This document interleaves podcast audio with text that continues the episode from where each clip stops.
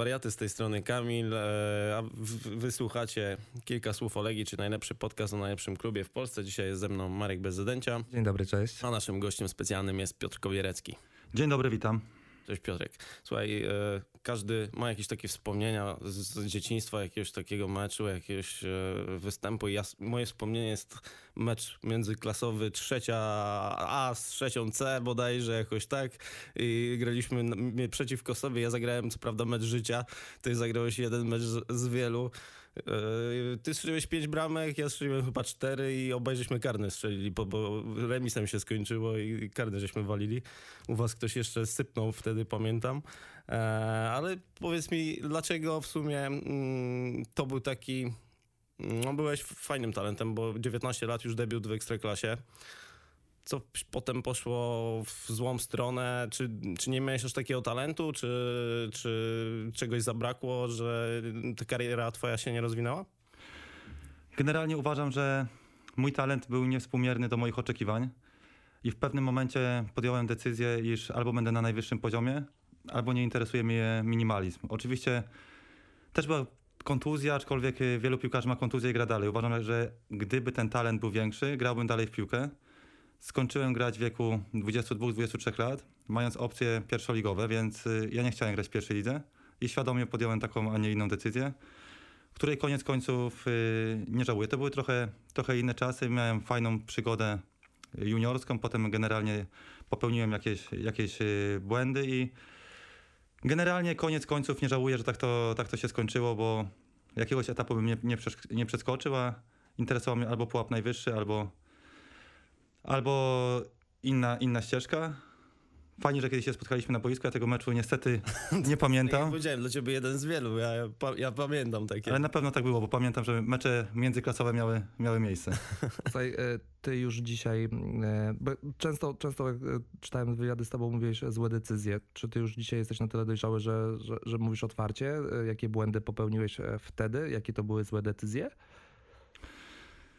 Tak z perspektywy czasu zgadzam się, że to słowo pada często, złe decyzje, bo dwukrotnie byłem zawieszany jako, jako zawodnik i to poniekąd, yy, poniekąd trochę zahamowało ten mój, ten mój rozwój. Też yy, w wieku 19 lat yy, miałem yy, możliwości przejścia do ciekawych yy, drużyn jak na ówczesne czasy, ale nie chciałem się, nie chciałem się przeprowadzać z Warszawy i uważam, że to była też yy, zła decyzja, więc yy, miałem kluby dosyć wysoko sytuowany na tamten, na tamten moment. Nie chciałem się wyprowadzać, ale też y, nie sprowadzam tego tylko i wyłącznie do decyzji, bo to by było takie usprawiedliwianie się, że coś poszło nie tak, bo podjąłem złe decyzje. Na pewno nie pomogłem sobie tymi decyzjami, ale uważam, że najwyższej klasy zawodnikiem bym nie był. A tak jak mówię, chciałem wszystko albo nic. Czyli co, max ekstraklasa, myślisz, że, że, że, że by się skończyło? Czy nawet nie? Różnie to mogło być, bo generalnie debiutowałem w Ekstraklasie dosyć, yy, dosyć szybko, w wieku 19 lat, a wtedy nie było przepisu o młodzieżowcu i ta ścieżka była trochę, yy, trochę trudniejsza, aczkolwiek w tej Ekstraklasie się nie utrzymałem. To był tylko debiut, prawda? I Tak, tak, yy, to, był, to był debiut i w ogóle fajna sytuacja się wiąże z tym moim debiutem. Pamiętam, to był mecz z Zagłębiem Lubin. Yy, Wszedłem na boisko przy wyniku 2-0 dla Zagłębia Lubin. Nie zdążyłem dotknąć piłki i Wojtek Łobodziński strzelił bramkę na 3 do 0 i zamknął mecz, a teraz z tym Wojtkiem Łobodzińskim siedzę w ławce na kursie UH Pro. Hmm. Więc taka historia zatoczyła, zatoczyła koło, więc y, przy bardzo dobrych wiatrach byłaby to ekstraklasa, bądź niższy poziom rozgrywkowy, więc y, taka, a nie inna decyzja. A w drużynie miałeś chłopaków, którzy mieli większy talent od ciebie? Tak, niewątpliwie byli, y, byli tacy.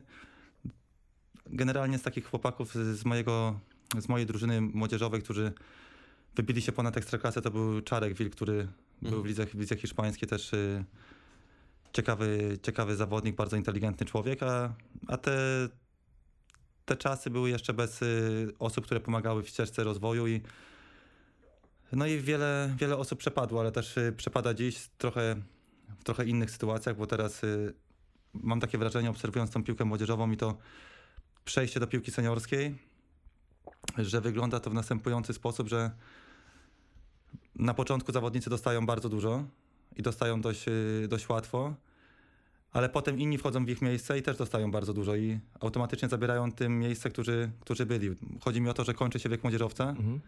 i następuje zderzenie z, z rzeczywistością. Znaczy, tak zastanawiam się, bo później cała twoja kariera jest związana z Legią Warszawa, gdzie, mm, no, nie oszukujmy się, ci młodzi piłkarze są chowani pod kloszem, też są chowani, pompowani, że są najlepsi, najlepsi w kraju i zderzają się z, senior, z seniorami. Zastanawiam się, czy wtedy było łatwiej, czy teraz jest łatwiej? Czy, yy, I wtedy było trudno i teraz jest trudno? Uważam, że teraz jest y, łatwiej, bo przede wszystkim pamiętam, że obserwując wielu zawodników w dawnych czasach, jeżeli tak to możemy nazwać, to wielu zawodników nie dostało szansy.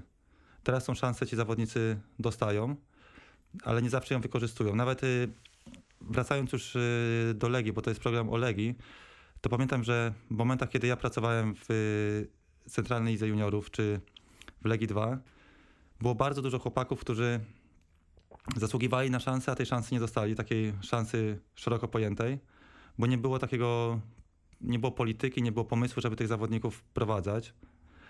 A teraz y, tak patrzę, nie będę operował nazwiskami co do obecnych zawodników, ale że momentami w wielu klubach y, nawet niektórzy zawodnicy na siłę dają, y, dostają szansę, a na tą szansę nie zasługują. I tym bardziej szkoda mi tych zawodników, którzy tej szansy nie otrzymali, a mieli wszelkie dane ku temu, żeby tą szansę wykorzystać. Czy mam takie wrażenie, nie wiem, czy się ze mną zgodzisz, że w przeszłości e, piłka szkolenie, tak naprawdę szkolenie w cudzysłowie, bardziej kształtowało charakter. Dzisiaj, a dzisiaj bardziej kształtuje nogi, technikę, e, umiejętność gry, prawda? A brakuje tego charakteru często. Tutaj też piję do legi, bo mam wrażenie, że jak, jak rozmawiam często z, z ludźmi, e, którzy, którzy zajmują się szkoleniem w legii, to twierdzą, że ta głowa często nie dojeżdża.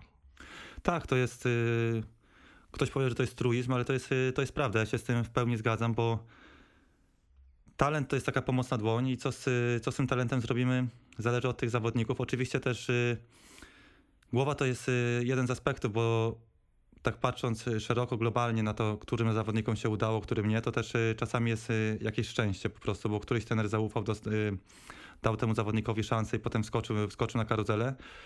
I posłużę się też y, tym, co zawsze mówił Jacek Magiera. Ja pamiętam, jak ja pracowałem w Legii U19, bo wtedy była ta kategoria wiekowa. Mhm. Jacek Magiera był trenerem Legii drugiej, że często młodzi zawodnicy sami siebie eliminują poprzez swoje decyzje i to się, i to się zgadza. Tak potem teraz patrząc z perspektywy czasu na to, yy, na ten aspekt, to często ci zawodnicy sami się, mówiąc kolokwialnie, kasują, czy, czy też przez y, brak cierpliwości, czy takie prozaiczne decyzje dotyczące dnia codziennego, tego jak się regenerują, co robią poza treningiem, jak się doskonalą, czy też y, jakąś ścieżkę rozwoju Y, rozwoju wybiorą, więc też na pewno bardzo ważną rzeczą są decyzje, które, które zawodnicy podejmują, czy, czy warto w tym momencie pójść na wypożyczenie, czy warto zostać y, w szerokiej kadrze pierwszego, pierwszego zespołu. To są takie decyzje, na, których, na które nie znamy, nie znamy odpowiedzi przed ich podjęciem. I to, jest, I to jest najważniejsze. Tak jak w Anglii często się mówi, że Sztuką jest być ekspertem piątkowym, a nie poniedziałkowym. Tym ekspertem przed kolejką, a nie po kolejce. Bo jak coś się wydarzyło, to tak. bardzo łatwo narrację odpowiednią obrać i dorobić ideologię. Mhm. mhm. Piotrek, 10 lat e, spędziłeś w Legii, jeśli się nie mylę. 4 lata prowadziłeś zespół U19, CRJ. E, w tym czasie trzy, trzy razy wygraliśmy e, te rozgrywki. Chyba nikomu się nie udało to, tego dokonać. I dwa, lat, dwa lata spędziłeś też w rezerwach przy okazji dwa, lata, dwa razy w e, Lidze Mistrzów graliście młodzieżowej. Który z tych momentów wspominasz e, najlepiej? No na pewno te trzy mistrzostwa to jest coś, e, co się zapamięta, bo pamiętam, że w całej historii Legia przed tą naszą serią trzech mistrzostw tylko dwukrotnie zdobyła mistrzostwo, mistrzostwo Polski juniorów starszych. I też żałuję, że nie zdobyliśmy czwartego, bo taka sytuacja była, że graliśmy w półfinale y, z Lechem Poznań. Do tego meczu było 31 spotkań, w których nie mieliśmy żadnej porażki. Pierwszy mecz z Lechem wygraliśmy i potem była taka sytuacja, że był rewanż z Lechem Poznań i my musieliśmy wszystkich zawodników wtedy dać do, do rezerw, które walczyły o, o utrzymanie i były derby z Polonią. No i ten rewanż przegraliśmy. To była taka nasza jedyna taka porażka w centralnej lidze juniorów, więc na cztery sezony były trzy mistrzostwa, a nie cztery. Najlepiej wspominam drugie Mistrzostwo Polski, bo pamiętam, że była taka sytuacja, że pierwszy mecz y, przegraliśmy 2 do 0 u siebie z, z Pogonią Szczecin i w rewanżu wygraliśmy 5 do 2 w Szczecinie, gdzie było 7 tysięcy, 7 tysięcy widzów i też wiąże z tym się ciekawa historia, bo też był mecz rezerw i my wtedy tak y, zawodnikami rotowaliśmy, że poszczególne mecze grali w rezerwach, y, czasami w juniorach i nam zależało, żeby grać bodajże, nie pamiętam czy to była sobota czy niedziela, w każdym razie dzień później niż Pogoni Szczecin. I Pogoń Szczecin zgodziła się na to, żeby grać dzień później pod warunkiem, że opłacimy im aut, y, samolot bodajże do Szczecina powrotny. I wtedy prezesem był y, Bogusław Lasiądorski i podła decyzja, że oczywiście ten samolot będzie i gramy dzień później. No i tam napisaliśmy piękną historię w Szczecinie, też do przerwy było 2-2. Y, Pamiętam, że na blokadzie grał Radek Majecki, zastrzyk przeciwbólowy w przerwie meczu otrzymywał Sebastian Szymański i zrobiło się 5-2 i to była fantastyczna, fantastyczna chwila, świetny, świetny mecz.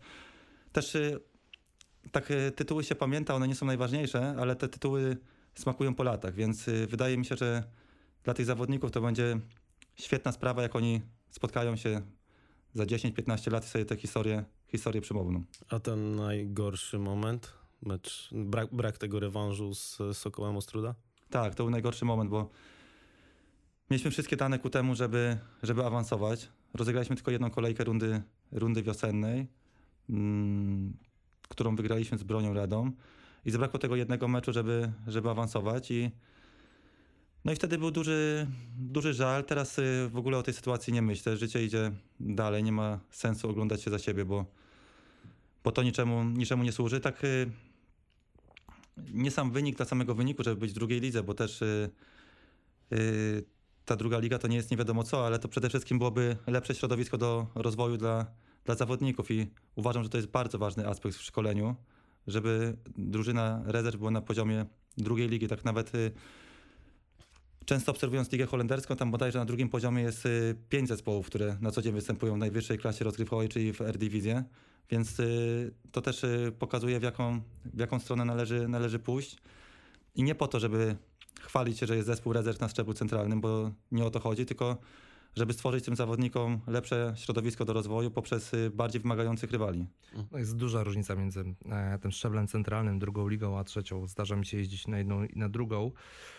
No to mam wrażenie, że akurat to, chyba jest największa przepaść poziomowa między drugą a trzecią, jeżeli się patrzy, bo między pierwszą a drugą ligą tej, to nie masz takich aż tak znaczących, mam wrażenie, różnic i no, na pewno byłoby dobre, gdyby Legia tam się w końcu dostała.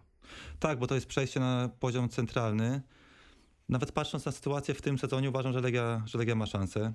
Śledzę wyniki, zaczęła, zaczęła dobrze, więc wszystko jest możliwe. Ale Legionowia wszystko wygrywa, więc y, będzie trudno, mi się wydaje. Będzie trudno, ale jeżeli uda się jakaś y, ciekawa seria, to, to może być dobrze. Yy, aczkolwiek Legia faworytem, faworytem nie jest, bo jest Legionowia, bodajże Tak, o- nie mylę, oni Polonia, Warszawa. Tak, wydaje mi się, że ta Legionowia, y, ona na razie bardzo solidnie punktuje, ma, ma, ma tam lekką przewagę nad pozostałymi drużynami. Chyba w kwietniu gra Legia dwójka na wyjeździe Legionowi. Legionowie. I nawet tak patrząc na trzecią ligę i obse- obserwując takie duże kluby, które chciały robić awans bardzo szybko, jak Widzew, jak ŁKS, jak Motor Lubin przede wszystkim, to łatwo nie przychodzi, bo ja uważam, że wiele meczów w drugiej lidze byłoby łatwiejszych niż w trzeciej. Bo często są bardzo specyficzne boiska w trzeciej lidze, taka bardzo siermiężna piłka, gdzie ci młodzi zawodnicy nie zawsze się odpowiednio y, odnajdują w tych, y, w tych realiach i, i to nie pomaga. A uważam, że w bardziej piłkarskich meczach nasi zawodnicy mieliby większe możliwości. Wiesz, no, nawet to, że tam jest chyba dwóch młodzieżowców w drugiej lidze, czyli już więcej rówieśników nawet na boisku w drużynie przeciwnej, ale tak, pe- w pe- w pełni się z tobą, z tobą zgadzam, że, że pewnie dużo meczów byłoby łatwiejszych niż trzeciej. Trzecia jednak jest bardziej taka rąbanka. No. Tak, też y, pracowałem w drugiej lidze, y, więc Tylko właśnie.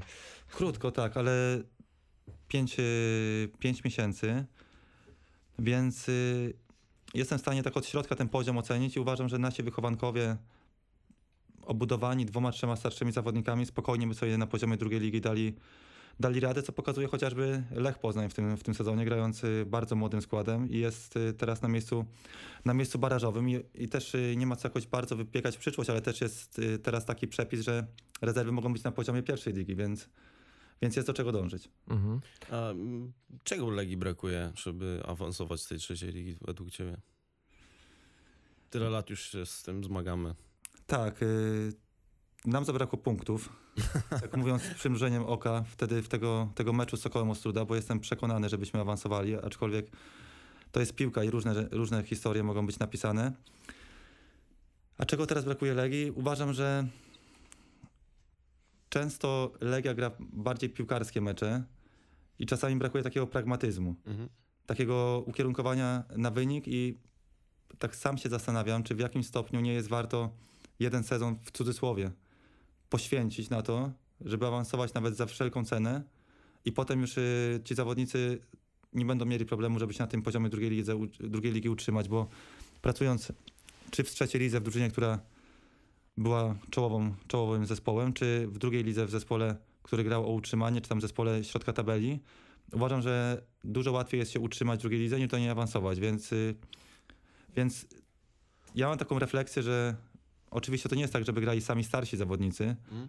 ale jeden sezon, gdybyśmy jako klub, jako społeczność, tak nazwijmy to górnolotnie, nastawili się na taki awans za wszelką cenę, to później byłoby łatwiej, bo ci zawodnicy mieliby lepsze warunki i byliby na poziomie centralnym. Słuchaj, a nie, ja zastanawiam się jeszcze nad jed- jedną rzeczą. Czy nie lepiej zostawić te rezerwy, niech sobie grają w trzeciej lidze, a mieć, nie wiem, klub filialny, partnerski, jakkolwiek to nazy- na, na, nazywając, e, w pierwszej lub drugiej lidze, nie wiem, Zagłębie Sosnowiec, Olimpia Elbląg, Pogoń Siedlce, czy coś takiego. Wiesz, wiesz o co mi chodzi? Bo jak sobie często e, na tym się zastanawiam, to mam wrażenie, że e, ci chłopaki, chłopcy, którzy są w akademii, oni są tak trochę pod kloszem. Jak ich się wypuści do takiego klubu, klubu nie wiem, sześciu, siedmiu do, innego, gdzie są już trochę inne warunki. Jednak, wiesz, nie wszystko jest podane na tacy, to może bardziej okrzepli. Rozmawiałem z jedną z, os- z osób z, z Akademii, zresztą o piłkarzu, którego dobrze znasz, czyli o e, Nikodemie Niskim, e, który był teraz przez półtora miesiąca w Bełchatowie, który się finalnie nie, nie, nie przystąpił do rozgrywek. Mówi, kurde, wrócił inny chłopak. I tu pojawia się pewien dysonans, ponieważ y, najlepiej pracuje się z zawodnikami, którzy wrócili z wypożyczenia, bo może nie z podkulonym ogonem, ale dużo pokory łapią w ten sposób, ale z drugiej strony y, najwięcej kontuzji młodych zawodników jest, gdy zmienia się chociażby trener przygotowania motorycznego, bo się zmieniają bodźce, jakie aplikuje zawodnikom.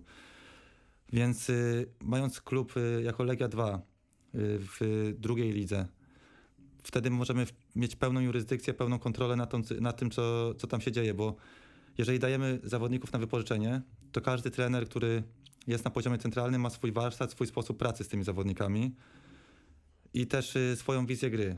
I nie zawsze ta wizja gry do końca będzie ukierunkowana na rozwój zawodników, bo wiadomo, jak często się traktuje zawodników y, mających status młodzieżowca w piłce, w piłce seniorskiej. Tam już gra się na bardzo małym ryzyku, y, ryzyku Mhm. błędu, czy też y, y, trening jest w mniejszym stopniu kształtujący, trening jest od meczu do meczu. Więc nikt się nie martwi, jak ten zawodnik będzie wyglądał w perspektywie czasu, tylko każdy się martwi, żeby ten zawodnik pomógł osiągnąć dany cel w danej rundzie bądź w danym Mhm. sezonie. I można o tym pięknie mówić, ale tak jest.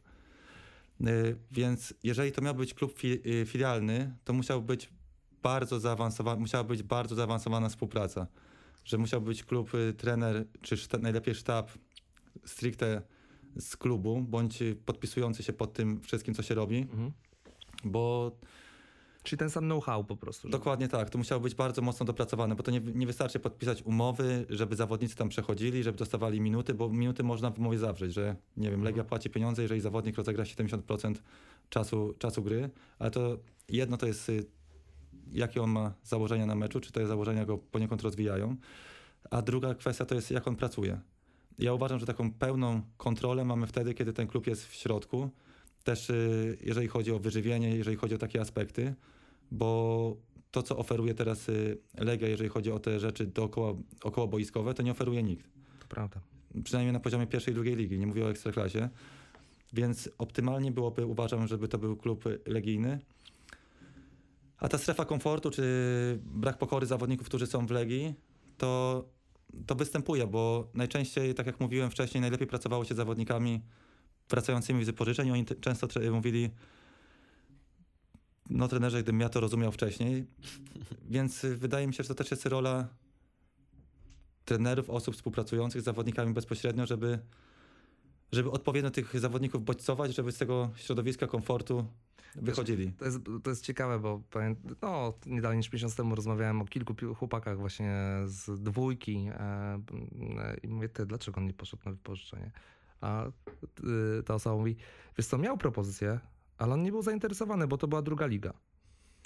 Tak, y, często tak się właśnie się dzieje, bo zawodnicy co innego im się wydaje, a co innego niesie rzeczywistość i y, pracując czy z bliska oglądając y, poziom drugoligowy, też uważam, że bardzo wielu, z akcentem naprawdę na bardzo wielu zawodników, którzy kończą wiek juniora w Legii, nie poradzi sobie na poziomie drugoligowym. Mhm. Więc generalnie wychodzi 20 zawodników, generalnie z, dane, z, danego, z danego zespołu i część zawodników nie spełnia wymogów poziomu centralnego. Trafią się wybitne jednostki, trafią się bardzo dobrzy zawodnicy. I to nie jest tak, że ktoś źle pracuje, bo absolutnie do tego nie dążę, tylko że, tylko że coraz więcej akademii się też bardzo mocno rozwija, bo ja pamiętam początki mojej pracy w Legii i chociażby aspekt scoutingu.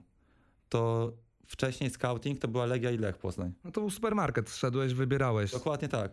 A teraz, y, teraz już każdy klub, czy Zagłębie, czy Jagiellonia, czy, czy Lechia Gdańsk, czy Raków Częstochowa, Pogoń Szczecin, każdy klub y, ma już tą swoją siatkę scoutingu, ma też jakieś y, swoje DNA, swoją tożsamość, ciąga zawodników z danego regionu i to już nie jest tak, że jedziemy na kadrę województwa w kategorii U15, dajmy na to, czy U14 i wybieramy tylko palec wskazujący, poka- pokazujemy ten, ten, ten, bo tych, zawo- tych scoutów jest coraz więcej i uważam, że mimo tego, że teraz Legia ma kapitalne warunki do rozwoju, paradoksalnie trudniej jest ściągnąć zawodników niż 10 lat temu. Bo po prostu konkurencja nie śpi. Też dla rodziców ważna jest logistyka, więc y, teoretycznie człowiek zachodniopomorskiego woli dać zawodnika do pogoni.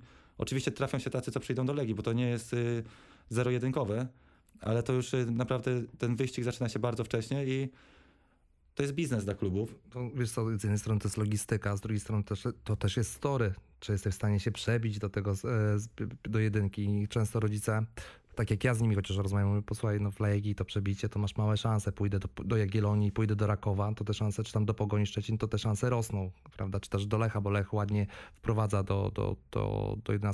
Ja w ogóle e, tak sobie popatrzyłem na nazwiska, z którymi ty pracowałeś, e, i ilu z nich, mm, moim zdaniem miało papiery nawet na, na mm, debiut w jedynce, a poszło, zadebiutowało gdzie indziej, prawda? No to też najlepiej wskazuje na to, że ten debiut nie jest łatwy. W ogóle jak ty z perspektywy czasu oceniasz e, współpracę pomiędzy właśnie pierwszym zespołem, a dwójką, czy też celiotką, czyli tam, gdzie e, ty piastowałeś swoje stanowisko?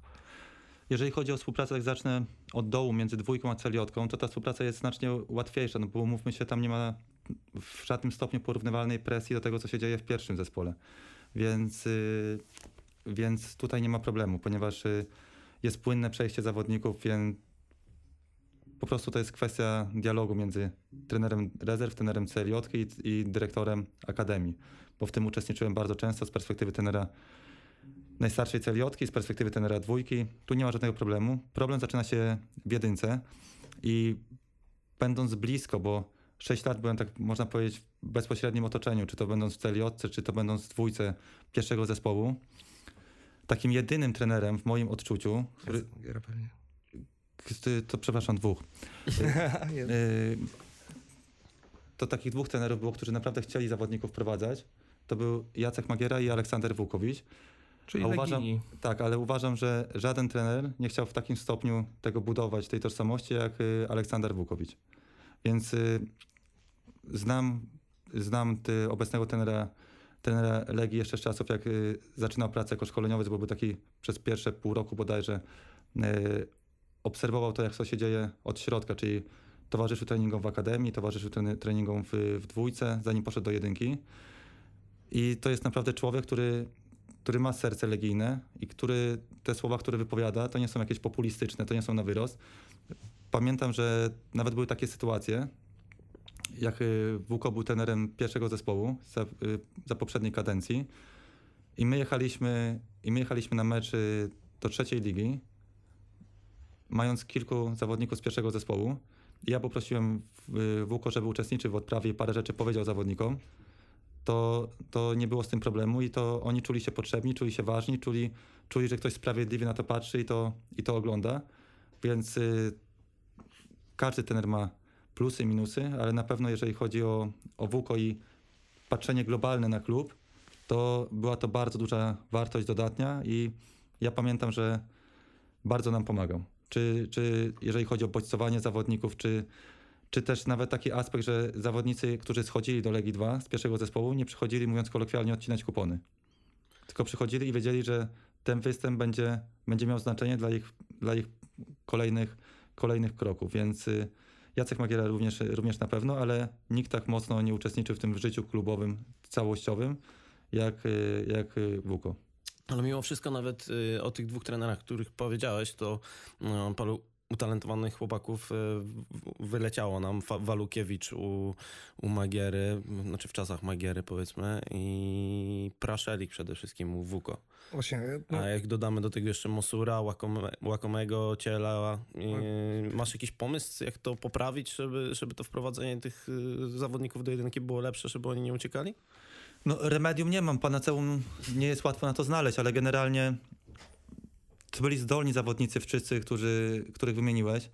I oni bardzo szybko chcieli, chcieli grać jak najwyżej. I to jest to, co mówimy o przewadze innych klubów nad Legią, takiej przewadze, no w cudzysłowie delikatnym, bo te kluby, które pozyskiwały tych zawodników, oferowały im już występy na poziomie ekstraklasy, a w Legii musiałby się przebijać do osiemnastki. I to naprawdę nie jest łatwe. Patrząc z boku, oczywiście uważam, że teraz możemy powiedzieć, że odejście Walukiewicza to był bardzo duży błąd, odejście Praszelika również. Pamiętam z Sebastianem Walukiewiczem to była taka sytuacja, że mieliśmy finał Mistrzostw Polski z Pogonią Szczecin i Sebastian mi trzy dni przed finałem powiedział, że odchodzi do Pogoni Szczecin. Więc yy, tak, tak, to się wtedy, tak to się wtedy złożyło. I ten ch- młody chłopak chce grać i potrzebuje, potrzebuje minut. Klub, który ma mniejszą kadrę, mniejsze wymagania, jest mu to w stanie za, zagwarantować. Ja rozmawiałem z trenerami Ajaxu Amsterdam i tam była taka filozofia, że trener musi się wpisywać y, w projekt klubu, czyli ma konkretnie określone, że kilku zawodników musi wprowadzić. To nie jest tak, że trener świadczy o klubie. U nas y, były takie sytuacje, że przychodzi trener Pinto i robił co chciał. No, oczywiście. Więc, y, więc nie, klub ma za dużą historię. Nikt nie jest ważniejszy niż klub, żeby ktoś przychodził sobie z zewnątrz i, i rządził wszystkim dookoła. A tak niestety to wyglądało. Ja pamiętam, że za trenera Pinto, jak byłem w Legii drugiej, to o północy miałem telefony od Konrada Paśniewskiego, który zawodnik, który rano ma być na treningu. Mm. Więc y, takie sytuacje też miały miejsce. Mm, Więc y, ten zawodnik potrzebuje minut i to jest potrzebny jest pomysł na zawodnika, czy wypożyczenie, czy, czy, czy minuty, bo bardzo łatwo jest powiedzieć, że nam uciekł zawodnik. Tylko to nie, to nie było tak, że Walukiewicza, Praszelika nikt nie chciał w klubie ich, i- ich y, wyrzucił, mówiąc brzydko. Ka każdy z nich uchodził za duży talent. Czy, czy Mosu, czy Cielemęcki, czy jeszcze moglibyśmy wymienić wielu zawodników. Tylko Legia grając o, o trofea nie do końca mogła to zagwarantować i mówiąc kolokwialnie, czasami trzeba sobie wbić w koszta stratę jakiegoś zawodnika. Trzeba robić, żeby tego, tego nie było. Trzeba im dawać te, te minuty. Najłatwiej byłoby mieć taką politykę. Kiedyś w Realu Madryt była polityka Zidane and Pavones, czyli wielkie gwiazdy plus wychowankowie bardzo zdolni. Mhm. I mi się marzy, żeby w Legii było tak y, pół na pół, żeby byli tacy zawodnicy po prostu znakomici i młodzi, bardzo, bardzo zdolni, a żeby nie było takich y, średnich po prostu, a tych średnich w ostatnim czasie mieliśmy sporo. No tak, no jak Seba, Sebastian Szymański, który mógł podglądać e, Wadisa na co dzień, tak? Czy, czy Radowicza na co dzień na treningach, nie? Tak, Sebastian miał to też y, szczęście, że miał mm, talent. No, talent zawdzięcza sobie, nieszczęściu, ale y, tego zawodnika pamiętam, że jeszcze w czasach y, właśnie tego swojego takiego, można powiedzieć, stażu czy obserwacji w Akademii trener Wukowicz sobie upatrzył i on mu bardzo pomagał. Mhm. On był w jedynce, jak był, był Sebastian i, i trzeba Sebastiana zapytać, na ile zawdzięcza trenerowi Wukowiczowi. Moim zdaniem, moim zdaniem bardzo się trener Wukowicz do tego, do tego przyczynił. I, I to jest niezwykle, niezwykle istotne, żeby ci młodzi zawodnicy dostawali szansę. Ja pamiętam ten sezon, że Karbownik y, wystrzelił, co był wymieniany przez wszystkie przypadki i było o nim bardzo głośno. A ja miałem mecz bodajże, to było spotkanie z Polonią Warszawa w Ząbkach. Chyba wygraliśmy wtedy 3-0 i o ile się nie mylę, Rosołek strzelił dwie bramki. I na tym meczu już byli wysłannicy bodajże Rakowa, Częstochowa i Radomiaka i, i Karbownik miał po tym meczu odejść na wypożyczenie. ktoś tam mówił chyba o tym, tak z tego co pamiętam. I, I został i rozegrał znakomity sezon. Klub y, na Michale zarobił, Michał wyjechał, wyjechał na, y, na zachód i, i to jest właśnie to szczęście, bo miał w tym momencie szczęście, że, że został. Zatrzymajmy się chwilę e, przy Karbowniku. Wiemy, że on teraz jest na pierwszym takim dużym życiowym zakręcie, e, jeżeli chodzi o karierę piłkarską. Ty go oceniasz jako zawodnika jakiej pozycji? Dla mnie to jest zawodnik profil numer 8, taki box to box. Oczywiście specyfika bocznych obrońców też się, też się zmienia, bo to już nie są zawodnicy y, grający tylko akcji obiegowej, dośrodkowujący piłkę. Dlatego on bez tej lewej nogi na lewej obronie y, spisywał się znakomicie, bo on schodzi, dawał takie podania wsteczne. Tych podań wstecznych w obecnej piłce, jak prześledzimy mecze Ligi Mistrzów, jest bardzo dużo. I on się wpisywał, bo miał, bo coś, co zawodnika często y, wybija, poza takimi globalnymi umiejętnościami, to jest y, cecha wybitna. Mhm. Jego cechą wybitną było y, przyspieszenie przy, z piłką przy nodze, więc on, miał, on pokonywał strasznie y, rywali, swobodę operowania piłką miał, bo jeżeli na przykład patrzymy na mankamenty, jakie ma y, Michał Karbownik, który jestem fanem jego talentu, ale na przykład y, nie możemy powiedzieć, że on ma y, dobre dośrodkowanie, dobre uderzenie z dystansu, czy piłkę diagonalną, czy piłkę prostopadłą, ale ma cechy wybitne polegające na swobodzie gry na małej przestrzeni, szybkości lokomocyjnej z piłką przy nodze, motoryce, bardzo dobry odbiór, świetne cechy, cechy men, me, mentalne i to go klasyfikuje bardzo wysoko. Gdyby pewnie miał te, te inne aspekty, to dalej by był w lidze angielskiej, by były na boisku, więc y, coś musi poprawić. Ja mocno liczę na to, że na tym najwyższym poziomie jeszcze będzie, bo uważam, że to jest talent czystej wody. No i teraz pytanie, czy, czy ktoś go nie skrzywdził, mm, że, że on zaczął grać na lewej? Widziałem, że w Grecji grał na prawej obronie na przykład, czyli jeszcze trzecia już pozycja tak naprawdę, która się pojawiła w jego dosyć krótkiej e, karierze zawodniczej. Wiesz, moja, moja teza jest taka, że dzisiaj nie jestem w stanie powiedzieć, jakim, jakiej pozycji piłkarzem jest skarbownik. I to tutaj to też wydaje mi się, że to jest kwestia decyzji, prawda? Pewnych podejmowanych przez piłkarza, czy też przez jego agenta. Tylko teraz pytanie, czy jakby był na środku pomocy wprowadzany, czy by dostał tyle szans i by, i by wyjechał na zachód, bo być może ta lewa obrona mu, mu pomogła. Trener Wukowicz podjął decyzję, że to jest dla niego optymalna, optymalna pozycja i wyjechał za dobre pieniądze z klubu do bardzo dobrej drużyny jako lewy obrońca. Więc też to trzeba, jakie tam Brighton miało do niego e, oczekiwania, czy na jaką pozycję chciał go profilować, tego, tego nie wiem. Dla mnie, patrząc na taki cały inwentarz jego możliwości, całe spektrum tego, Mhm. co może zaoferować. Dla mnie jest to, jest to ósemka. Ktoś może uważać, y, uważać inaczej. Ja będę się upierał przy, przy swojej tezie. Na pewno mu pomogła wtedy ta lewa obrona. On wtedy skończyłby w Radomiaku, jakby był tylko rozpatrywany jako środkowy e, pomocnik. Bo Pomogła- wtedy był Antola, był Martins, był Gwilia, jeszcze chyba ktoś. Znaczy to też y, pokazuje, jaki jest przypadek, bo pomogła mu lewa obrona i Iwan Obradowicz, który też Tak. stał się później moim zawodnikiem. Tak, tak. Więc y, wi- wiem, jaka była historia jak, z pod, jak podchodził do, do zajęć?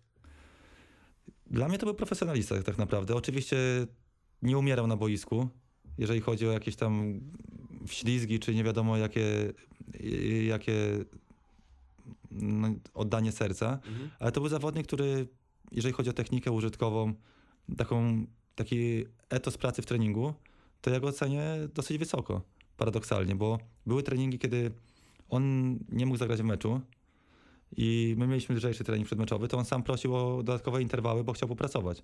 To też tak nie było, jak go kreowały do końca, do końca media, że jest y, leniem i, ob- i obibokiem. Na pewno on się tutaj, tutaj źle czuł. Ja nie wiem, jak było w jedynce z jego, z jego osobą. Na ten temat się nie wypowiadam. Mogę wypowiadać się na temat tego, co ja widziałem w treningu w pracy codziennej i ja do niego nie mam, nie mam zastrzeżeń. A miałeś e, taki zrzut z jedynki, do którego miałeś zastrzeżenia, że pol olewał? No właśnie tych zrzutów było sporo, tak generalnie, jakbyśmy prześledzili. Mhm. I ja generalnie byłem bardzo mocno zbudowany tymi zawodnikami, którzy, którzy schodzili z jedynki. Najlepszym przykładem jest y, Arek Malarz, który był mega profesjonalistą. Nie uciekał w żadną kontuzję. Pamiętam, że zespół pewnie był wtedy jeszcze w Turcji na zgrupowaniu. On się y, rzucał na sztucznym boisku, które wtedy było jeszcze przed, przed renowacją, było bardzo, w bardzo słabym stanie. Miał całe biodra pozdzierane, a nie odpuszczał żadnego treningu. Więc y, i pamiętam, jakie, ile dla niego też klub znaczył. Mhm. Więc, y, więc to jest taki kolejny człowiek, którego warto pamiętać, jak się mówi o Legii, która zdobywała mistrzostwa, bo to było poparte bardzo taką pracą organiczną u podstaw i dzięki temu na ostatnie lata kariery też miał bardzo fajne, bardzo fajne chwile, a za tym szła taka jego metodyka pracy. Uważam, że też to był taki człowiek, dla którego Legia bardzo dużo znaczyła. Było mm, szerokie spektrum zawodników, na przykład y, Pasquato, który miał dla kogoś nieznośny styl bycia, a był świetnym, świetnym, świetnym gościem i zawodnikiem, który, którego zawodnicy uwielbiali. I też y, my czerpaliśmy z tego, że tacy zawodnicy byli, bo Pasquato miał taką wizję gry, że on grał takie podania, których ci młodzi zawodnicy nie spodziewali się, że takie podania mogą, mogą mieć miejsce. Często to widzimy, jak piłki zagrywa Josue. Że on miał jeszcze więcej takich asyst drugiego stopnia, czy bezpośrednich asyst, gdyby niektórzy zawodnicy na to wpadli. Że to coś takiego może przejść. Że coś, coś takiego może... w ogóle można takie On czasami pokazuje, on pokazuje tylko, tylko biegnie, a tam ci zagram, tam dostaniesz. Po prostu zamknij oczy i biegnij. Tak, to, to, to, to, Więc- to, to fakt. Więc y, fajne jest takie nauczanie empiryczne z boiska. Mhm. Bo ja jako trener mogę mówić, jak się zachować, y, co zrobić, ale jak wracamy do dawnych czasów, to zawodnicy uczyli się na podwórku i od starszych kolegów i dzięki temu szybciej się rozwijali. I uważam, że tacy najlepsi zawodnicy w, w chociażby w Legii 2, bo w Legii 2 czasami są zawodnicy starsi. Nie wiem, jak grają obecni, bo nie oglądam meczów Legii 2, sprawdzam, kibicuję, ale jakoś nie złożyło się, żebym jakieś całe spotkanie widział. O, obecnie jest ich trochę mniej, bo, bo zimą e, odszedł na Wodka, który jest, tak, był takim starszym, e, odszedł też ten e, Portugalczyk. No, paru jest, Jest ale też ściąg, ściągnęli e, takich w sumie średnim wieku, bo y, przyszedł ten spod Beskidzie chłopak, nie pamiętam jak on się nazywa, Laskowski, 21 lat. No to No jeszcze, jego, jeszcze jako młodego. No i trochę. Szewski No i chyba ma ze 20. 23 czy 22. Tak. No i Ciach, Ciach i ten, i Dzięgielewski, to Dzięgielskiego to pewnie Tak. kojarzysz. Y, Do czego nawiązuję? Bo mi chodzi o to, że jak patrzyłem na Pasquato czy Mączyńskiego, takich zawodników środka pola na, y, w grach pozycyjnych jak oni szybko operowali piłką, jak oni tą piłkę przyjmowali, to my na analizie nie do końca jesteśmy w stanie to przekazać, to co oni będą chłonęli z boiska, więc, więc y, fajnym motywem jest, jeżeli na przykład w rezerwach są tacy zawodnicy y, dwóch, trzech, którzy nie, nie zabiorą miejsca jakiejś wielkiej liczbie piłkarzy, a pokażą takie rzeczy, które, które będą bezcenne. I zawodnicy obserwując uczą się. Wiesz co, wydaje mi się, że Bayern e, taką ścieżkę ob- obiera, że bierze zawodników po 30 doświadczonych, którzy też sporo, sporo przeżyli i, i te, trochę pograli na, na wyższym poziomie e, rozgrywkowym. I to wydaje mi się, że ma większy sens z całym szacunkiem, e, bo, bo Dziękiel potrafi zagrać super mecze, no ale no, to, nie, to nie jest, e, to, to jest, to jest w średnim wieku piłkarz, który nie zdobywał doświadczenia na przykład w Ekstraklasie czy No właśnie, i tutaj w Zachodzie. łatwo, łatwo się mówi, ale dla mnie to najlepsi zawodnicy byliby tacy w rezerwach wśród tych Inaki, młodych. no nie? Astis. Iniaki był kotem, tak No. mówiąc kolokwialnie. To był, jeżeli chodzi o myślenie na boisku, jeżeli chodzi o podejście, zachowanie, to był pan profesor. Jeżeli chodzi o takie nastawienie, dla niego nie było znaczenia, czy my gramy w Łowiczu w niedzielę o 11.15, żeby tam ludzie po kościele przyszli, a dzień wcześniej był, nie wiem, na Lechu Poznań. To był przeprofesjonalista i bardzo się cieszę, że dostał swoją szansę w klubie i się, i się rozwija, bo to był taki nauczyciel z boiska. On, I u niego to nie było wymuszone, że trzeba było się martwić, czy on będzie zaangażowany, czy, czy będzie mu się chciało, bo cała jedynka miała wolną niedzielę, on musiał jechać do, do Łowicza, tylko on dawał się pokroić za zespół i był kapitalny. Po pierwsze jako człowiek, po drugie jako zawodnik. I ja uważam, że właśnie trzech takich piłkarzy powinno być pokroju Iniaki. Nie znam Dzięg- Dzięgielskiego czy Ciacha. Znaczy, przecinały mi się moje drogi z tymi zawodnikami, jak byłem trenerem. Ale nie wiem, czy robią taką, taką różnicę. Być może robią, żeby, żeby wokół nich budować tych młodych chłopaków, bo Iniaki takie, takie, coś, y, takie coś niewątpliwie, niewątpliwie tworzył. Mhm. Słuchaj, a to przejdźmy może właśnie najlepszych piłkarzy, z jakimi pracowałeś. e, W, po, powiedzmy może po kilku, czyli zacznijmy od pozycji bramkarza, najlepszy bramkarz z jakim. No i to jest takie No, nieprzyjemne, bo ktoś się na pewno obrazi, ale było dwóch, czyli tak na szybko. Nie przygotowałem się do tej rozmowy, więc to będą pytania, odpowiedzi ja ci podpowiem. Jak Sponta- tak. dobra, spontaniczne. Mm, Majecki i Miszta, Mhm. więc y, Miszta ma jedną przewagę nad Radkiem, gdyż y, lepiej gra nogami, moim zdaniem. Nie do końca to pokazał w tych y, niektórych meczach w jedynce, ale Radek Misz, y, Czarek Miszta to był zawodnik, który, który mógł wejść y, do, do, do pola, grając w polu i by sobie poradził. Lewa, prawa noga, swoboda operowania. Dla mnie to był taki bardzo nowoczesny bramkarz. Też zawsze miałem e, taką opinię, tylko jestem też trochę zszokowany tym, że on tego nie pokazuje w sumie w Ja jedynce. też, bo Wydaje mi się, zawsze... że Myślisz, że to nerw- wszystko- nerwy wszystko w głowie. No. Zawsze jak ktoś y, przed jakimś ważniejszym y, meczem do mnie dzwonił i się pytał o, o Czarka Misztę, to ja mówiłem, że kapitalnie gra nogami, a później tego nie potwierdzał. Ale on naprawdę ma znakomitą technikę użytkową, jeżeli chodzi o grę nogami, Mhm. więc y, uważam, że kwestia czasu i to będzie taki pierwszy rozgrywający. Wydaje mi się, że pewność siebie to jest, y, to jest bardzo chłopak poukładany, ale też y, doświadczenia się nie kupi, doświadczenie trzeba zdobyć i tych meczów trzeba troszkę na tej pozycji bramkarza zagrać.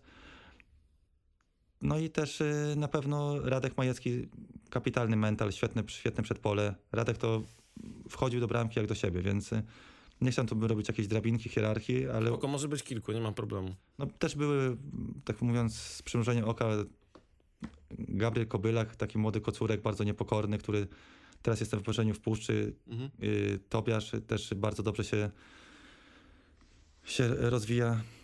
Pewnie o kimś zapomnę, ale to dopiszę na Twitterze w razie czego. Spoko. Obrońcy?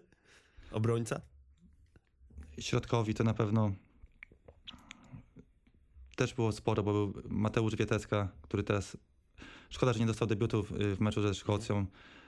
Y, Mateusz, y, Mateusz Żyro, Sebastian Walukiewicz, Mateusz Bondarenko to i Walukiewicz jest we Włoszech, Żyro gra w Ekstraklasie, Wietecka jest, y, czasami nosi opaskę kapitana Legii. Wydaje mi się, że kwestią czasu jest aż, aż pojedzie na zachód. Bondarenko jest w pierwszej lidze.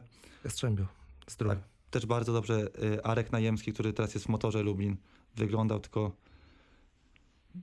też jestem zdziwiony, że nie dostał, nie dostał szansy. Ariel Mosur oczywiście, który teraz y, ma pewną pozycję. Ja bardzo żałuję, że na przykład y, Ariela Mosura rozpatrywano często przez pryzmat parametrów fizycznych. Bo my patrzymy, że skarb kibica i nie wiem, ma 1,83 4, 5, nie wiem dokładnie ile i mówimy, że na stopera za niski, a ja potem praktycznie każdy mecz Ajaxu komentuję jako ekspert i tam jest Martinez i Timber, którzy są zapewne niżsi od, od Mosura. Wiesz, daleko nie sięgając Michał Pazdan, pra- prawda? Nie pamiętam Tak, twój, twój Michał Pazdan, Blind, Cannavaro, byśmy wymieniali tych zawodników mnóstwo, bo my koncentrujemy się na liczbach, a nie koncentrujemy się na procencie wygranych pojedynków w powietrzu. Wiesz co, właśnie, ale to, to też są liczby, a nie, niektórzy tylko patrzą na te liczby, że on ma No właśnie. 80, Parametry a nie to, co kiedyś powiedziałeś w wywiadzie, zdaje się, dla Legii Net, że ale u mnie w rezerwach to Mosur wygrywa wszystkie pojedynki główkowe. No oczywiście, no, to on był, on był bardzo, bardzo świadomy, świetny, świetny mentalnie, więc wymieniam tych zawodników, tylko to nie, nie kolejność jest przypadkowa, tak to, Mhm. tak to na, na, nazwijmy, bo No, pracowałeś z no, masą no, przez 6 lat już powiedzmy na tym na najwyższym poziomie w akademii, w rezerwach, więc z masą talenciaków, reprezentantów e, pracowałeś, więc się nie dziwię. Ho, hołka nie wymieniłeś, to ci od razu ale nie, bo powiem. mówiłem o, o środkowych, dopiero przejdziemy do prawych i lewych. Okej, dobra. Nie no, Hołek ci często ratował tam e, wyjściami do przodu. Pamiętam, bramki chyba ważne zdobywał w finałach. Tak, y, Mateusz Hołownia, jeżeli o tym zawodniku mówimy, to jest numer jeden, jeżeli chodzi o lewych obrońców, którymi pracowałem, bo on u mnie był typowym lewym obrońcą, dawał bardzo dużo, bardzo dużo w ofensywie, człowiek bez układu nerwowego. Też był taki moment, że w finale Mistrzostw Polski z Lechem przedstawiłem go na pozycję numer 9 w trakcie meczu i wszedł na dziewiątkę i strzelił bramkę. Właśnie to pamiętam. Tak i uważam, że miał też bardzo duże możliwości. Cieszę się, że gra w pierwszej, że jest w kadrze, grał. Teraz tych minut jest, jest, jest mniej, ale to też jest bardzo duży potencjał. Dla mnie, ja na przykład przy dużej sympatii do Mateusza i przy docenianiu tego, jak y, on się rozwija. Ja na przykład nigdy nie wyobrażałem sobie, że przy jego podejściu mentalnym do zawodu on może być środkowym obrońcą, bo dla mnie to był zawodnik średnio odpowiedzialny, ale bardzo dobry technicznie jak na lewego obrońcę, jest ze świetną motoryką. I dla mnie to był taki lewy obrońca, albo nawet y, lewoskrzydłowy ala, ala y, Gareth Bale, zachowując proporcje oczywiście.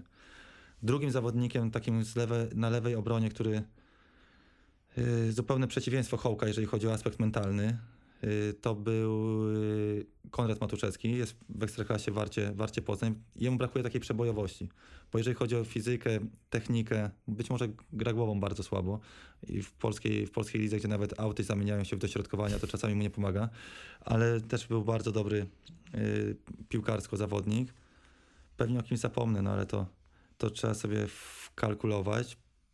Z prawych obrońców y, bardzo dobrym zawodnikiem był Kuba Szrek, teraz y, Odra Opole, Mhm.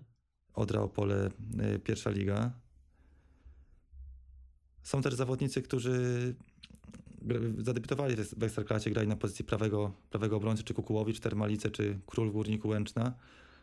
Ale tak jakbym miał robić drabinkę, to wydaje mi się, że bardzo wysoko był y, Kuba Szrek, czy też Bartek Skowron, który teraz gra w Błoniance w trzeciej lidze, a był kadrowiczem Polski, grał u nas w finałach. Pamiętam, z Polonii go żeśmy wyciągnęli. Tak, tak. To się, te ścieżki się bardzo różnie, bardzo różnie toczą. Mhm. Pomocnicy? No tutaj zawsze jest bardzo dużo tych pomocników, jeżeli chodzi o... Karbo, Szymański. Tak, jeżeli chodzi o, o środek pola, no to pierwsi, y, pierwsi się wypisują oczywiście Karbownik i, i Szymański. No to już tutaj wiele nie trzeba dopowiadać. Czy też, y, czy też y, Praszelik. Kolejnym zawodnikiem, który jest w Ekstraklasie, trochę mu przeszkodziły kontuzje, ale bardzo jestem fanem jego talentu, jest to Miłosz Szczepański. Jak mieliśmy trójkę pomocników y, Praszelik, Szymański, Szczepański i w rewanżu z Ajaxem Amsterdam, gdzie był chociażby Hravenberg, co teraz pewnie za 60 baniek euro pójdzie do Bayernu, to wyglądali od niego lepiej wtedy. Mm, Nie mówię, że byli bardziej utalentowani, tylko w tamtym meczu wyglądali lepiej. Yy, Na pewno Grzesiu Tomasiewicz, Sta- Stal, Stal Mielec, Michał Trąbka, lider ŁKS-u, yy, Filip Karbowy, szkoda, że zszedł troszkę piętro niżej do drugiej ligi, ale być może z Chojniczanką, z Chojniczanką powróci. Jest, jest szansa, bo złapa... Chojniczanka złapała teraz dobrą serię meczów. Złapała serię, tylko tak trochę muszę się zastanowić, bo nie chcę nikogo, nikogo pominąć. Rafał Makowski też y, był u nas takim defensywnym pomocnikiem. Teraz y, wyjechał za granicę w Śląsku, Wrocław sobie, y, sobie dobrze, Mhm. dobrze radził. Na pewno o kimś zapomniałem i to jest... Bartłomiej Urbański miał taki... O, Bartek Urbański, Aleksander Waniek. No to też byli bardzo dobrzy piłkarsko zawodnicy. Tylko, Dziwne, że dziwne, że Urbański aż zupełnie tak praktycznie kariery tej nie zrobił. tak, No, wydawało się- nawet nie wiem, czy on w ogóle gra gdzieś teraz. Tak, gra w Pogoni Grodziec. Jestem z Bartkiem w kontakcie, nawet miesiąc temu do niego dzwoniłem, bo tam miałem jedną sprawę. A Bartek jest bardzo obrotnym zawodnikiem. Y, Oleg Waniek, dwa razy zerwane krzyżowe, też y, mega zdolny, mega zdolny piłkarz. Niestety tak, a nie inaczej to się, y, to się te puzzle mu tak poukładały. Jeżeli chodzi o bocznych pomocników, to też Konrad Michala, który miał cechę wybitną, jaką, jaką była szybkość i, i uważam, że on jest zawodnikiem na poziom europejski. Jeżeli drużyna dopasuje sposób gry do jego możliwości, albo jeżeli trzeba zagrać z kontry, to uważam, że to jest zawodnik na, na Europę. A tak pozycyjny troszkę gorzej. Wiesz, wydaje mi się, że to jest właśnie zawodnik do drużyn z dołu tabeli, które grają właśnie piłkę taką na, kont- na kontrę i wtedy się sprawdza. Nie wydaje mi się, że to jest zawodnik do drużyny właśnie dominującej w swojej lidze, czyli, czyli do tych, do tych e, Tak czy inaczej od Castretiego lepszy. Od Castratego na pewno lepszy, ale y, zawodnik y, też nie drewniany, mówiąc tak y, po języku piłkarskim. Uważam, że zawodnik y, poprawny technicznie co najmniej, dzięki czemu jest w reprezentacji Polski teraz powołany. Szkoda, że nie dostał szansy. No tak jak mówicie, no na pewno na małej przestrzeni nie może pokazać tego swojego potencjału, tylko że on jest sprowadzany do zawodnika tylko i wy- wyłącznie szybkiego, bo jest strasznie szybki i się zapomina o tych jego innych aspektach. Ale jak się patrzy na tą grę w Turcji, to wykorzystuje to, prawda? To, Tak, to, wykorzystuje. To szybkość. Był Miłosz Kozak, też bardzo specyficzna postać, ale uważam, że lewą nogę miał kapitalną. Tomek Nawodka, który tak zawsze na te obozy z Legią jechał, nie- mógł tam... No, dostał szansę bardzo, dłużej. bardzo późno, bo chyba tej jesieni. Tak, W grudniu. naprawdę. Bardzo żałuję, że większej kariery nie zrobił. Mają mega papiery, to był Robert Barczak. Mhm. W ogóle co się z nim stało? Ja widzę, że on jest teraz na, tym ósmy, na ósmym poziomie rozgrywkowym e, liga. w Niemczech. To, to jest, ja znam ten klub, bo to jest FC Blauberen, gdzie jest chyba z sześciu czy siedmiu Polaków. Jak Polacy jadą do pracy w Niemczech, to często do tego Blauberen idą i tam przy okazji sobie kopią w piłkę. Więc e, czy ty wiesz, co się w ogóle z nim dzieje? i Dlaczego taki wybór? Czy on już zawiesił tak naprawdę, darował sobie karierę piłkarską i, i, i nie, pla- nie planuje jej kontynuować? Znaczy, nie mam za bardzo kontaktu z Robertem, ewentualnie jakieś życzenia na święta. Generalnie on miał, on miał swoje, swoje problemy, takie trochę poza, yy, pozaboiskowe, które mu nie pomogły, ale jeżeli Robert Barczak był zawodnikiem rocznika 2003 i teraz by trafił do tej legii, która tak yy, chce wprowadzać zawodników, nie zawsze jest wielu, których można wprowadzić, ale uważam, że w nim by się pół Gillety zakochało. Jeżeli chodzi o. Ja nie miałem takiego zawodnika z taką umiejętnością gry 1 na 1. Takich zawodników, których, których się potrzebuje bez układu nerwowego. No kapitalny dzieciak, tylko że to się. To nie poszło w tą stronę, co, co pójść powinno. Szkoda. A z napastników? Z napastników z góry przepraszam wszystkich, tu, których y, zapomniałem, bo wiem, bo mnie nie przygotowaliście na takie pytanie. Nie no, spokojnie, przecież nikt się nie obrazi. No. Y, Z napastników, no to najbardziej kompletnym napastnikiem był zapewne Rosołek, bo on jest y, zawodnikiem szybkim, niezłym technicznie, z dobrą zastawką, z, z niezłą grą 1 na 1. Tylko to jest nie do końca klasyczna dziewiątka. To jest dla mnie taki zawodnik, który może grać podwieszony jako taki drugi, Taka fałszywa trochę, nie? taka, taka fałszywa trochę dziewiątka.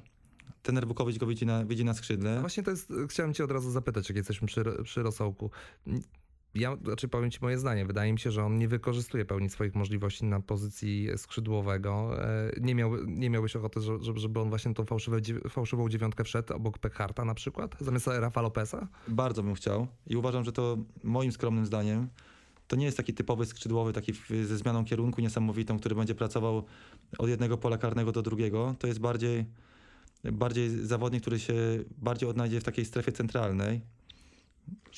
Tak z perspektywy czasu nie wiem, czy dobrą decyzją było kolejne wypożyczenie do Arki, czy nie pozostanie na szczeblu ekstraklasy, bo widać, że on sobie na tym, na tym szczeblu spokojnie, spokojnie radzi, ale to pominijmy, bo Wiesz, to jak poniedziałek i piątek, o którym mówiłeś. e, no oczywiście. No bo nagle się okazało, że, że to miejsce by się zrobiło dla niego, tak? Chyba za wcześnie trochę została ta decyzja podjęta. Tak, ale to jest e, zawodnik, który może grać w ataku pozycyjnym, może grać w ataku szybkim, więc to, to spektrum możliwości ma, ma, ma ogromne. No, zobaczymy, jak, e, jaką rundę będzie miał Łukasz Zjawiński w, y, w Sandecji. Adam Ryczkowski miał też bardzo po- poważne problemy, problemy zdrowotne, a zapowiadał się, y, zapowiadał się znakomicie. On, on nadal jest w motorze, tak? tak, Chyba jest w motorze, tak. Tylko, że on już y, nie pełni rolę dziewiątki, już y, został Tak, tak, przesunięty tak, na, na skrzydło. Bardzo fajnie wygląda w Chojniczance, bo pracując w drugiej lidze miałem możliwość się z nim konfrontować i nawet nie wiem, czy im bramki nie strzelił. Tak na marginesie. Nie wiem. Musiałbym, widziałem go w dwóch, trzech meczach. Ja e, muszę przyznać, że do mnie jego styl gry nie do końca e, przemawia. Trochę, trochę Miałeś, mi tak, miałeś takiego zawodnika, który był w, no nie, w twoich oczach przekozakiem, a kariery nie zrobił? Właśnie to, dobra, to zadaj to pytanie, jeszcze do, dopowiem. Mam dodatkowe do tego. Przekozakiem. Myślałeś, że powiedzmy, że reprezentacja i kluby to europejskie. No to właśnie Robert Barczak. Mm. No bo on y, był w pierwszej Legii, potem był w pierwszej lidze, a poprzez y, różne perypetie tej kariery nie zrobił, a uważam, że był, był przekozakiem, tak. To, to, na, to na pewno, bo tych przekozaków było więcej. Dlatego wymieniając te nazwiska, uważam, że gdyby oni teraz wchodzili do, do piłki seniorskiej, to by dostali szansę w Legii, bo jest straszny popyt, i, a zarazem deficyt ty- tych, po których można, można sięgnąć. Chociaż ja tak mówię za kurtyny, nie wiem jak to wygląda od środka, może się mylę. Y, tak to wygląda z mojej perspektywy. Czyli wiesz, no ja ci mogę powiedzieć, że byłem teraz na dwóch meczach Jeszcze- rezerw, to Wuko jest tam. Inaki też jest na tym Ale nie, mi nie chodzi o to, że ktoś nie obserwuje, bo ja wiem, że obserwują i I chyba wprowadzają też, no mam wrażenie. z, z, znam Wuko, też miałem przyjemność pra- pra- pracować z Iniakiem, więc, więc niewątpliwie tak, tak będzie. No też, e, jeżeli mówimy o napastnikach, też trzeba wspomnieć o, e, o Szymonie, o Szymonie Włodarczyku, do, do skrzydłowych doliczyć Radka Cielemeńskiego, więc y, którzy w bardzo młodym wieku wchodzili. Ja pamiętam debiut w piłce seniorskiej Szymona Włodarczyka, kiedy my graliśmy na poziomie 1-8 Pucharu Polski z Odrą Opole z pierwszą, z, z pierwszą ligą. Szymon Wodarczyk wchodzi jako 17-letni chłopak i daje kapitalną asystę. Ja nawet nie wiem, czy miał 17 lat, trzeba było sprawdzić, pewnie miał.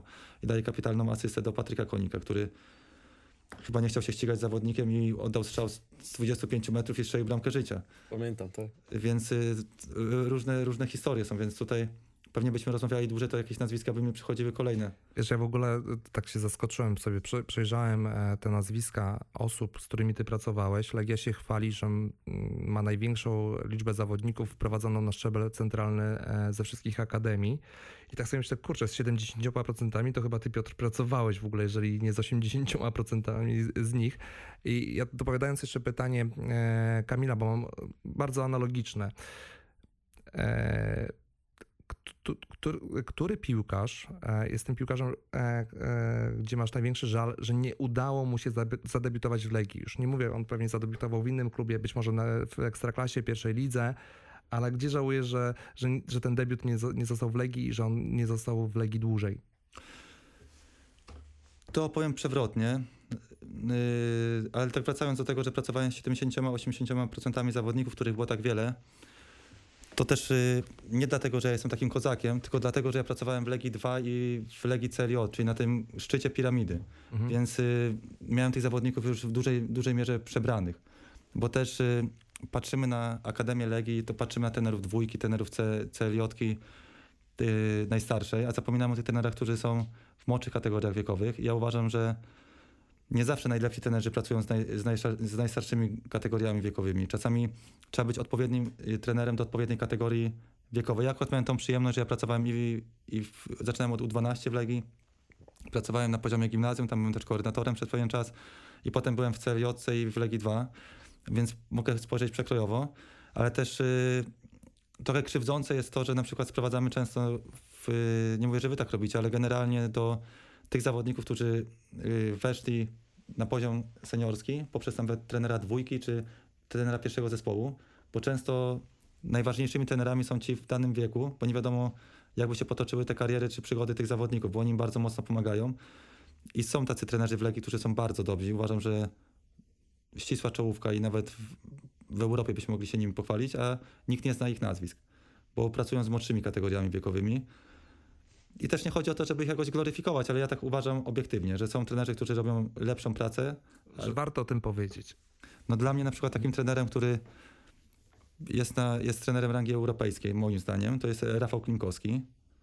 Yy, Pozdrawiam Aymara, pewnie nie, nie słucha, bo nie wie, że, że jestem, ale uważam, że na przykład yy, pod każdym względem jest yy, bardzo mocno za, zaawansowany. Tych trenerów Legii dobrych jest, jest dużo więcej.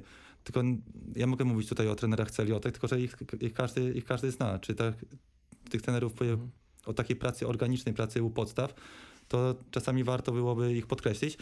A wracając do tego, kto nie dostał szansy, no to uważam, że, że żałuję, że Miłosz Szczepański dostał szansę, bo miał takie y, papiery, żeby tą szansę, tą szansę otrzymać. Było takich y, więcej, więcej zawodników.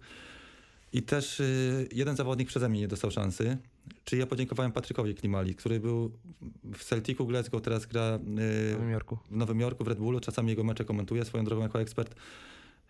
Tam były kwestie pozapiłkarskie, aczkolwiek piłkarsko też wtedy się, wtedy się nie bronił, ale to, to był zawodnik, który dostarczył do budżetu Jagiellonii bardzo dużo pieniędzy. Mhm. U, na, u ciebie chyba na prawie obronie grał. Znaczy ja go przekwalifikowałem pod koniec na napastnika, on przychodzi jako prawy obrońca. O, okej. Mm, Dwa razy go wpuściłem do ataku w meczach Celiotki na motorze Lublin z Ełkiem, dwa razy strzelił zwycięską bramkę. Były inne aspekty, o których e, nie ma sensu, żebym mówił. No trochę wiadomo. To, Y, Nie ma sensu, żebym, żebym mówił, ale też y, jakbym miał powiedzieć, że zrobi karierę, to bym powiedział, że nie zrobi tej kariery.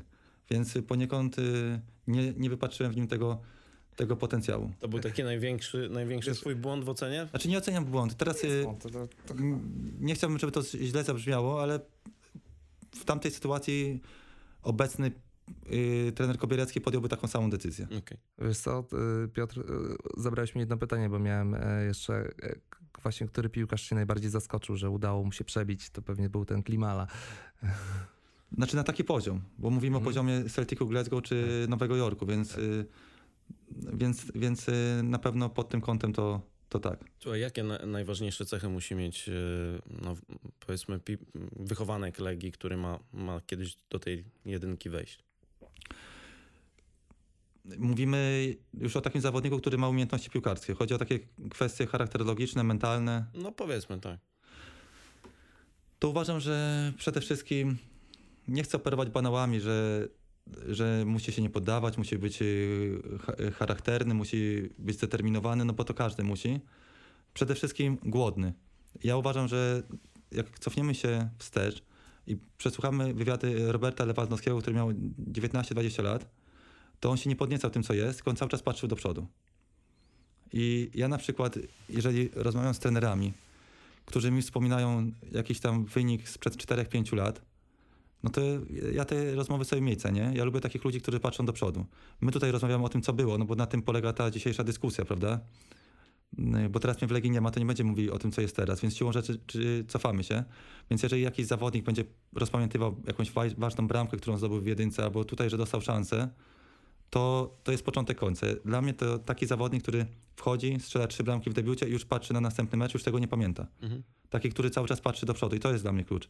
Bo ja miałem zawodników, którzy poszli do jedynki, wrócili do dwójki i nie było, i nie było gościa. Bo już generalnie czuli się skrzywdzeni i mieli tego zastrzyku, zastrzyku mentalnego. Więc taki, który patrzy do przodu. Ja, a ja mam jeszcze dodatkowo e, jedno py- znaczy kilka pytań, ale e, teraz chciałem e, zadać e, a propos tego trochę, co mówił tutaj Kamil. Aha. Em, jakich pił, piłkarzy o jakich cechach trafia do akademii za dużo, a jak, o jakich cechach za mało? Czy, czy da się to w ten sposób sklasyfikować w ogóle? Bo, na, bo mam wrażenie, że na pewno jest jakichś piłkarzy, których jest za mało, a jakich jest. e, Ja raczej później ci powiem, co, co ja na ten temat sądzę. Em, Czy ty w ten sposób mógłbyś e, odpowiedzieć, znaleźć? Ciekawe pytanie. Nie zastanawiałem się nad tym jakoś tak y, bardzo mocno. Generalnie do Legii trafiają zawodnicy, którzy bardzo mocno się wyróżniają w swoich województwach. Ktoś jedzie na kadrę województwa, tam jakiś zawodnik jest, jest najlepszy, następuje zainteresowanie, jakaś taka pierwsza ocena osobowo, osobowości tego zawodnika i, i trafia do klubu. Ciekawe projekty są takie w Europie, gdzie klub ma taką swoją bardzo mocną tożsamość, tak jak Legia, czy to klub y, wojskowy, który się utożsamia z jakimiś takimi y, odpowiednimi cechami charakteru, które ten klub powinny, powinny charakteryzować.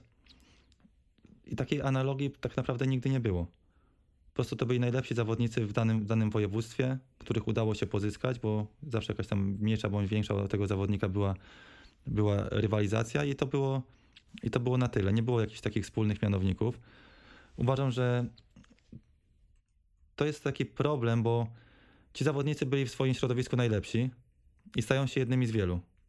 I pytanie, jak oni sobie z tym, z tym potem radzą. Że nagle jest rywalizacja, nagle się okazuje, że nie jestem najważniejszy, że nie załapię się na mecz, że y, trener czasami za mało atencji poświęca danemu zawodnikowi w jego, w jego mniemaniu i to wydaje mi się, że to są takie fundamentalne wartości. Mhm. Jak pokora, cięższy, cięższy, ciężka praca, taki charakter do, do tego, ażeby się, ażeby się nie poddawać. No i, i jeszcze raz posłużę się trenerem Jackiem Magierą, bo niektóre jego sentencje sobie zapamiętałem, bo są tego warte. Że nie sztuką jest na przykład bawić się, jak się ma 16, 17, 18 lat, no bo to parę stówek do portfela i można na Mazowieckiej poszaleć. Yy, Sztuką jest się bawić, jak się jest po 40. W- I w tym momencie najlepsi się mogą, mogą wyróżnić, mogą się bawić. Bo tak jak mówię, tutaj ktoś strzeli parę fajnych bramek i, o, i opowie tam w śnie czy w, na lato, jak on to zrobił, no i będzie królem jednego wieczoru. W wieku 18, 20, 25, 25 lat. Trochę chyba case Mikity, prawda? Który, który szybko odpłynął. No tak na marginesie to też czasami zdarzyło mi się jakiegoś zawodnika spotkać. Ale sztuką jest się, jest się bawić, jak się ma już te ukończone 40 lat i wtedy powspominać. Mam, Więc mam wrażenie, że od Magiery i od Wukowicza sporo mm, się nauczyłeś. absolutnie żadnego z nich nie kopiuję, bo ja jestem kompletnie innym trenerem, ale tak.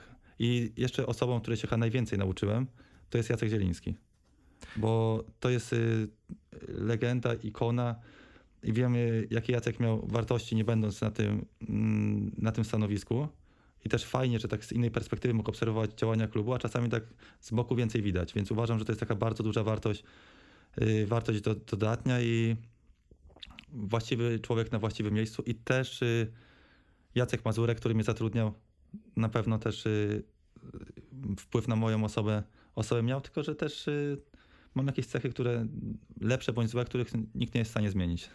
Też e, e, dopowiadając, bo powiedziałem, że odpowiem na, na, sam na to jeszcze pytanie. Ja mam takie wrażenie, że e, w Legii bardzo ważnym i istotnym punktem jest zresztą jak w polskiej piłce, bo polska piłka się opiera na tej, na tej cesze, to znaczy jest wybitnie mo, moc, są mocni motorycznie zawodnicy, a czasami brakuje też spojrzenia i do, dorzucenia do tej grupy osób, które są wybitne pod względem rozumienia gry. Bingo. Zrobimy hipotetycznie Mhm. taki, taki test. Zaprosimy piłkarzy z Hiszpanii i z Portugalii, z Brazylii i Polaków. Mhm. Często jest tak, że na siłowni wyglądamy lepiej. Ja w Legii 2 miałem Toniego Segurę z Realu Madryt. Yy, To na siłowni wyglądał jak nieszczęście. Naprawdę, wyglądał jak nieszczęście. Mówimy, że często my jesteśmy nieprzygotowani fizycznie. Byśmy zaczęli na Hiszpanów, to byśmy zaczęli jak wygląda zawodnik nieprzygotowany fizycznie. Oczywiście są, są, też, y, są też wyjątki. Zrobimy ćwiczenie techniczne w formie ścisłej. Czyli jakieś tam przyjęcie, podanie, dośrodkowanie, strzał. To wyglądamy często lepiej. Zacznie się gra, wyglądamy dwa razy gorzej. I to jest właśnie podejmowanie decyzji. A dobrego piłkarza od bardzo dobrego różni podejmowanie decyzji. Więc jakbyśmy mieli na testach Polaka, Portugalczyka i Hiszpana i byłaby siłownia i forma ścisła, wybieramy Polaka. Byłoby rozumienie gry, pan długo, długo nie, pokazując na Polaka. Często tak jest. Tak jest, no to, to chyba Grzelak, jak poszedł e, do Hiszpanii, powiedział, że motorycznie wygląda najlepiej e, e, na treningach, ale jak przychodzi do meczu, to nic nie rozumie. No i szybkość podejmowania decyzji też, Tak. też, jest, y, też jest y, kluczowa. Znaczy ja też nie chciałbym demonizować naszych zawodników, bo też są bardzo inteligentni, ale tak generalizując, bo też y, wracając do tego Segury, który przed, z Realu Madryt, który grał przeciwko nam w Lidze Mistrzów Młodzieżowej i tam był ważnym, ważnym zawodnikiem. To takie formy, formy ścisłe, które są rzadko stosowane, ale uważam, że też nie można ich całkiem zaniedbać, to on był irytujący. Ale zaczynała się gra, no to no to Robił różnicę. byłem w stanie przymrużyć oko na to, co się działo na siłowni, bądź w pierwszej fazie treningu. Tak to ujmę. No i właśnie tego, tego mi brakuje, prawda? Takiej większej, raczej wyszukiwania jed- jednej, dwóch perełek w roczniku, którzy może motorycznie nie wyglądają tak dobrze, ale wyglądają e, dobrze pod tymi cechami e, takiego reżyserowania gry, tak trochę Jasne. czucia tego, te, te, tej gry. No i jedno z ostatnich już pytań. Do Legii dołączył teraz y, w bardzo ważnej ro- roli Jacek Zieliński, którego tutaj chwaliłeś kilka razy. Dołączył Radek Mozyrko, o którym też wspominałeś i często wspominasz y, w wywiadach. I być może dołączy y, jeszcze do tego Jacek Magiera, czyli więcej Legii y, w Legii. Jak ty do tego podchodzisz? Cieszysz się ze zmiany, która następuje? Y, Czy w ogóle y, nie obserwujesz tego na, na poziomie emocji i, i takim kibicowskim dzisiaj? Obserwuję, skłamałbym, gdybym powiedział, że nie obserwuję. Bardzo się cieszę, bo obserwowałem wielu zbawców z różnych zakątków i, i wiem, co oni oferowali, a znam też tych ludzi, czy to Jacek y, Zieliński, czy Jacek Mozyrko, czy Jacek Magiera. Nie, Radek Mozyrko. Y, przepraszam, już y, Radek, pozdrowienia. Więc Radek też jest, uważam, bardzo wartościową osobą. Mi się z nim świetnie współpracowało. Mi się przede wszystkim w nim podoba tak, że on jest y, inny niż wszyscy w swoim rozumieniu, podejmowaniu decyzji. Yy, I na ogół to są decyzje trafione, więc, yy, więc super. A często za bardzo yy, szanujemy to, co jest y, z zewnątrz, a nie szanujemy tego, co mamy na co dzień. I ci ludzie z zewnątrz bardzo ładnie mówią. No, ktoś ich słucha, to uważa, że jak deszcz pada, to oni nie mokną, że oni chodzą po wodzie, a przychodzi taka praca na co dzień i się okazuje, że król jest nagi i tak to zostawię. A uważam, że te osoby, które, które wymieniłeś, to są kapitalnymi osobami. Trzymam kciuki, żeby były. Nie wiem, na ile to są prawdziwe kwestie z, z Jackiem Magierą. Fajnie by było, tylko nie wiem, czy Jacek chce iść taką drogą, czy inną. Zobaczymy. Też jeszcze tego nie wiemy. To trzymamy za to kciuki. A rozważyłbyś opcję e, bycia drugim trenerem? Czy już tylko jesteś sfokusowany, żeby być jedynką? Na pewno Legii oczywiście drugim trenerem, bo domyślam się, że drugim trenerem gdzieś tam Och. w słabszym klubie może niekoniecznie. Generalnie nigdy się nie mówi nie, więc, y, więc y, na pewno bym rozważył. Jeżeli chodzi o akademię, to już swój kawałek tortu zjadłem, patrzę w, innym, w inną perspektywę. Teraz y, na chwilę trochę się odsunąłem, ale to jest świadome, bo też, żeby to nie zabrzmiało jak jakaś megalomania, czy źle odebrane, ale miałem bardzo dużo propozycji w ostatnim, ostatnim czasie i świadomie na razie jestem ekspertem w Polsacie, bo też to mnie bardzo mocno rozwija. Właśnie niedługo musimy kończyć, bo dzisiaj Grecja, Czarnogóra, zapraszam. Y, A takie, takie kwestie to oczywiście są do, do rozważania y, zawsze, ale jeżeli chodzi o piłkę taką klubową, młodzieżową, to ten swój kawałek tortu już. No właśnie, to, to, to, to chyba ostatnie z mojej strony pytanie. E, jakie są plany na najbliższy czas poza byciem ekspertem? Czy planujesz wrócić na trenerską ławkę? Tak, mam taki plan. Generalnie, jeżeli wszystko pójdzie zgodnie z planem, to kurs UEFA Pro kończę w połowie maja, więc y, wtedy będzie czas. Od następnego sezonu. Najprawdopodobniej. Być może. Dobra, Piotrek, bardzo dziękujemy Ci za dzisiaj. Dziękuję bardzo, pozdrawiam wszystkich. Dzięki, Marek. Dzięki. Przyznam szczerze, że połowy pytań nie zadałem. No ja też musiałem przycinać. Dziękujemy za wysłuchanie się. Jak się podobało, to zostawcie lajka i do następnego razu. Cześć. Dzięki, hej.